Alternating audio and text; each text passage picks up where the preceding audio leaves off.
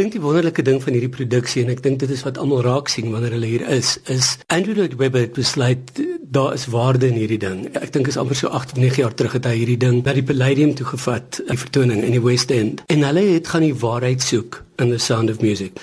Hulle het gaan kyk waaroor gaan die karakters, wat is die karakterisering? En hulle het gaan kyk na die tyd, die politiek. Um dit is net voor dis 1938. Al daai klas van goeters en hulle het die hele ding gestroop van al daai sugarcoating en hulle het hom gemaak soos 'n gewone storie, 'n mooi storie tussen 'n interaksie van mense, meer as 'n vrou wat net vir mense leer dou hy sing. So dit bly relevant. Ongetwyfeld bly dit relevant want dit is stories. Ek meen in die eerste plek is dit 'n ware verhaal, vol gebaseer op 'n ware verhaal en in die tweede plek, ja, dit bly ontsettend relevant vir al die die hele politieke ondertoon en ek dink dit is wat vir my so lekker is van die kaptein want 'n groot deel van sy rol is om die hele tyd die mense terug te bring na dit toe. Ek meen hy beëindig tot 'n verhouding omdat die baroness nie dieselfde dink as hy oor die politiek nie. Ja, dit is baie vlakke en ek dink dis wat hierdie vertoning so spesiaal maak. So dis nog 'n storie waar waardes belangrik is. Ongetwyfeld, in buite net waardes tussen gesinne en mense ensovoorts wat lekker is van hierdie hoogproduksie is, dit so vars in terme van daar's niks triks nie. Daar's niks snaaks nie, dis net mooi. Daar's beautiful decor, daar's baie mooi kostuums, ongelooflike beligting, goeie klank en dit gaan oor karakters. Daar's geen spesiale effekte of sulke klas van goed nie, dit gaan oor 'n storie dis wonderlik dat hierdie musiek bly self so sterk is dat hierdie storie dit kan dra. Natuurlik buite die wonderlike musiek. Die musiek en die karakters is so welbekend en geliefd.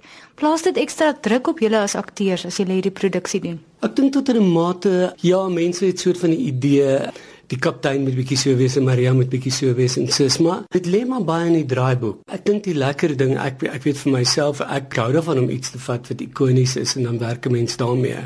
Ek het byvoorbeeld tog nooit vir die fliek gesien van dit ek klein was nie want ek wou nie. Mens moet die ding gaan self soek en vir jouself regmaak. Hoe jy die voel as kaptein en nie hoe Christopher Plummer dit gedoen het in die movie nie. Dit is 'n baie lekker proses. Dit is so ikonies en so baie keer opgevoer, is dit moeilik om jou eie interpretasie te kry? Nee, ek dink dis nie. Ek dink eh, weet jy ons die wonderlikste regisseurs gehad, die hele Britse span wat hier so was en hulle het nooit vir jou 'n riglyn gegee van waartoe om met hom te gaan nie.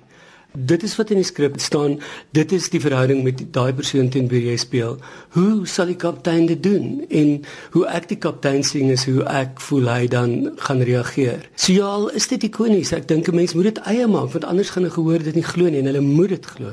En waak teen stereotipisering? Ja, ongetwyfeld. En ook waak teen die musical-styl kan baie groot en verhewe wees. Jy weet en ek dink wat lekker is van hierdie produksie, dis gestroop. So ons gaan vir die waarheid en ek dink kaptein, ek meen hy gaan van hierdie ou wat geen sin se verhouding met sy kinders hê nie omdat hulle te veel om herinner aan sy vrou wat oorlede is en hy kan glad nie daarmee cope nie. Tot op 'n stadium wat Maria musiek in sy huis inbring. En dis hierdie pragtige oomblik waar hy sy kinders hoor sing. Hy vergeet sy kinders kan sing omdat hy hulle omhels en dan swaai sy hele karakter. En hy raak oop vir die kinders en hy raak oop vir liefde en dan tot die seer wat hy sy land moet verlaat. Jy weet, so daar's baie vlakke wat hy mense kan reg en eg speel sonder om te kyk na wat ikonies verwag word. Dit is 'n familieproduksie wat almal nou kan gaan kyk. En terselfdertyd 'n baie hoog aangeskrewe musiek bly speel. Wat doen mense om te keer dat dit nie vervlak nie? Jy gaan dood eenvoudig na hierdie draaiboek wat so goed is. En jy gaan na al die verskillende verhoudings wat daar is want daar is geweldig baie. Um, net van die kaptein se oogpunt hy is verlief op, 'n baroness hulle is obviously deel van die hele stel in Austria. Um, sy is ingebring deur sy beste vriend Max wat 'n draadsitter is tussen die nasies en mense in Wene. Hy breek 'n verhouding met haar. Hy besef hy's verlief op 'n meisie met die naam van Maria wat al hierdie dinge wat ek dink wat sy vrou was vir hom weer bring sodat hy weer sy kinders kan lief hê. So as al daai goeders eg en opreg gespeel word, kan dit nie vervlak nie want dit gaan oor mense. Wat is vir julle die uitdagings? Die uitdaging is doeteenvoudig om nie weg te beweeg van die storie nie. Daar's altyd oomblikke wat jy kan speel vir 'n laugh of jy kan om bietjie groter hier doen, jy kan miskien uitspeel na jou gehoor toe en alles. So die uitdaging van so 'n ding is om te bly by die waarheid en die feite en dit hou dit autentiek. Hoe verskil die produksie op die planke van die fliek wat ons almal ken? Kyk die basiese storielyn en die aard van die saak is dieselfde. Daar is twee blikkies byvoorbeeld wat nie in die fliek is nie wat gaan oor die oor die baroness en glad nie in die in die fliek nie en ook nie Max die kaptein se goeie vriend nie. So daai twee liedjies is net en dit is baie meer sinies Die eerste liedjie gaan How Will Love Survive. Dit gaan ons goed met julle, julle is ryk. Liefde kan ons nou nie hou tussen ryk mense nie want alles is te frivolous. En die ander ene gaan byvoorbeeld oor moenie worry oor die oorlog nie, dink net aan jouself. Waar die kaptein sê maar dit is onmoontlik. Wil jy vir sê elke ster en elke hierdie ding in die wêreld draai net om jou. Dit is nie, dit gaan oor die wêreld. So dis waar dit nog op verskil van die fliek. Ek dink wat vir my persoonlik wat nogal interessant is, mense kom en dan sê hulle maar ook dit is sommer gesing. En die kaptein sing min en ek dink dis waar ook 'n groot uitdaging vir my gelê het. Die styl van Phantom of the Opera wat ons almal jou leer ken het, verskil nogal dramaties van die Oscar en Hammerstein produksie. Watter aanpassings as akteurs en en sanger moes jy gemaak het? Ja, oh, dit is enorm. Die interessante ding en die moeilike ding vir my in die begin was vir daar was daar's geen musiek om my te help nie. En ek is eerstens 'n sanger. So hier staan jy op 'n verhoog sonder gimmicks, tricks, enige iets en jy moet woorde sê wat eg is en jy moet dit joune maak sonder die musiek wat onder dit is nie. So dit was twee totale verskillende wêrelde. Net stemomvang. Jy weet die Phantom is daar bo, die kaptein is alles is heelwat laer en is my praatstem selfs dit, dit verander mense tot 'n mate op die verhoog. So daar was baie baie uitdagings en groot verskille. Jy is heeltemal reg tussen hierdie rol en en Phantom. Hoe lank het julle gerepeteer? Hoe lank het dit jou gevat om aan te pas? Ons het 'n 4 weke repetisie gehad en ek sou sê ek het soort van eers so half bygekom hier na die derde week in Kaapstad was ek gemaklik met die kaptein. Ek het toekoms vir die kaptein in my lewe en ek het 'n idee gehad presies waar ek met hom wil gaan. Oh, ons kan nie wag om te sien wat jou interpretasie gaan wees nie. Wel, ek hoop julle hou, hou daarvan. Ja, dis 'n partykeer is dit 'n bietjie van 'n ondankbare rol, maar ek geniet hom geweldig. Hoe so?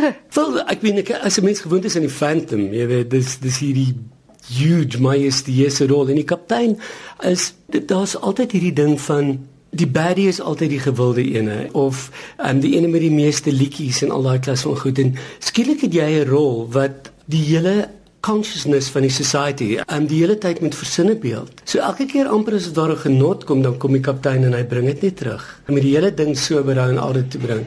Soos al is hy liefde vir die kinders, hulle is nog steeds kinders en hulle moet luister. Die liefde vir Maria, sy word sy vrou. Jy weet, so dis baie interessant wat gebeur met hom. Wat is jou gunsteling deel in die produksie? Ek dink my gunsteling deel van die kaptein se oogpunt is wanneer hy sy liefde vir die kinders herontdek jy het hierdie sewe wonderlike kinders wat sing en dan skielik kom gee almal jou net te druk en dis hierdie wonderlike omhelsing. Dis verstommend hoe die kinders, veral jy weet die in Johannesburg kinders begin so beautiful daarby uitkom nou. In die Kaapse kinders teen die einde, jy weet en hoe die kinders net instinktief daai emosie aanvoel van hierdie is 'n pa wat ons gemis het en hulle kom en dis beeldskoon party van hierdie kinders. Daar's ander in Edelweiss byvoorbeeld waar die kaptein as hy skielik agterkom as hy hele land verander en hy gaan moet vlug met sy kinders en hy weet nie wie gaan veilig wees en wie gaan nie. Op 'n stadium kan hy nie meer sing nie want hy's hy's te oorstelp met emosie. Dan draai hy en begin sy seentjie sing. En daar was ander wat van hierdie seentjies vorentoe stap en benail hulle. Jy weet, en dis wonderlike momente wat kinders se werk op 'n verhoog is een van die fantastiesste dinge wat daar kan wees. En weet jy, ek dink wat so lekker is van kinders, daar's niks. Dit is net so eerlik. En ek dink dit is dit is so fantasties om dit te kan dophou. Nou, musiekbladspalle is seker die gewildste kunsvorm. Hoekom dink jy is dit so? Ek dink daar's soveel vlakke van dit. Ek dink mense uit die afsaak is mal oor musiek. Ek meen, um, speel hoekom is daar nie meer radiodrama so min of wat ook al nie en hoekom is daar nog baie series wat gespeel word? Musiek is nog altyd 'n uh, ontvlugting ding vir mense en bring iets familiar. Jy weet, byvoorbeeld jy sal 'n toneelstuk gaan kyk en jy gaan baie min van die reëls onthou wat gesê word, maar jy gaan liedjies onthou. So, eerstens is daar iets wat 'n gehoor gemaklik het in 'n musiekblyspel want hulle ken van die liedjies. Dan verder ook met 'n musiekblyspel is omdat hulle suksesvol is, word hulle op soveel groter skaal as net 'n gewone dramaproduksie aangebied. Die stelle is groter, die kostuums is groter, die beligting. Ek meen, jy gaan nie 'n klein 5 min stuk op hierdie teater verhoog met 1900 mense elke aand kan doen nie. Dit gaan net nie werk nie. Jy weet jy gaan net nie genoeg mense kry nie. So ek dink 'n musiekblyspel werk op soveel verskillende mense, maar ek dink jy bekend maak bemind. Die musiek is daai wonderlike ding wat mense net saamvat wat hulle ken. Dit was dan Andre Swarts wat gesels het oor The Sound of Music en ek is Estie Gross vir RSG Kuns.